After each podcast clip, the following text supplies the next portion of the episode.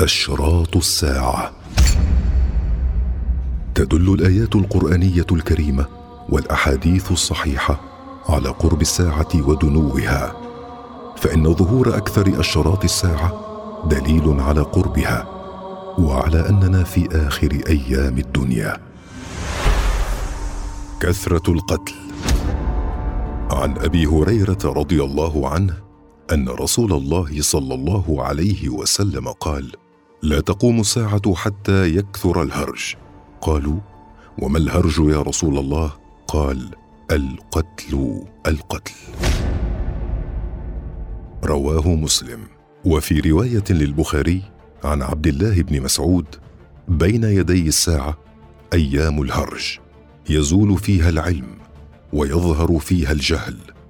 قال أبو موسى والهرج القتل بلسان الحبشة. وعن أبي موسى رضي الله عنه عن النبي صلى الله عليه وسلم قال إن بين يدي الساعة الهرج قالوا وما الهرج؟ قال القتل قالوا أكثر مما نقتل؟ إن نقتل في العام الواحد أكثر من سبعين الفا قال إنه ليس بقتلكم المشركين ولكن قتل بعضكم بعضا قالوا ومعنا عقولنا يومئذ قال إنه لينزع عقول أكثر أهل ذلك الزمان ويخلف له هباء من الناس. يحسب أكثرهم أنه على شيء وليسوا على شيء. وعن أبي هريرة رضي الله عنه قال قال رسول الله صلى الله عليه وسلم والذي نفسي بيده لا تذهب الدنيا حتى يأتي على الناس يوم لا يدري القاتل فيما قتل. ولا المقتول فيما قتل. فقيل كيف يكون ذلك؟ قال الهرج القاتل والمقتول في النار. وما أخبر به صلى الله عليه وسلم في هذه الأحاديث قد وقع بعض منه. فحدث القتال بين المسلمين في عهد الصحابة رضي الله عنهم بعد مقتل عثمان رضي الله عنه.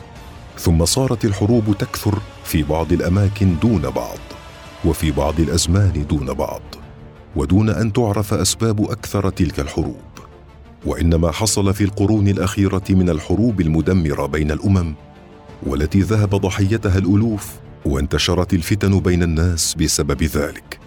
حتى صار الواحد يقتل الآخر ولا يعرف الباعث له على ذلك. وكذلك فإن انتشار الأسلحة الفتاكة التي تدمر الشعوب والأمم له دور كبير في كثرة القتل.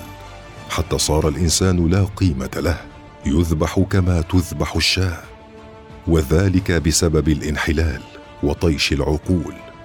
فعند وقوع الفتن يقتل القاتل ولا يدري لماذا قتل وفيما قتل. بل إننا نرى بعض الناس يقتل غيره لأسباب تافهة وذلك عند اضطراب الناس. ويصدق على ذلك قوله صلى الله عليه وسلم إنه لينزع عقول أكثر أهل ذلك الزمان. نسأل الله العافية ونعوذ به من الفتن ما ظهر منها وما بطن. وقد جاء أن هذه الأمة أمة محرومة ليس عليها عذاب في الآخرة. وأن الله تعالى جعل عذابها في الدنيا الفتن والزلازل والقتل. ففي الحديث عن صدق بن المثنى حدثنا رباح بن الحارث عن أبي بردة قال بينما أنا واقف في السوق في إمارة زياد إذ ضربت يدي على الأخرى تعجبا. فقال رجل من الأنصار قد كانت لوالده صحبة مع رسول الله صلى الله عليه وسلم مما تعجب يا أبا بردة. قلت أعجب من قوم دينهم واحد ونبيهم واحد ودعوتهم واحدة وحجهم واحد وغزوهم واحد. يستحل بعضهم قتل بعض. قال فلا تعجب فإني سمعت والدي أخبرني أنه سمع رسول الله صلى الله عليه وسلم يقول إن أمتي أمة محرومة ليس عليها في الآخرة حساب ولا عذاب. إنما عذابها في القتل والزلازل والفتن.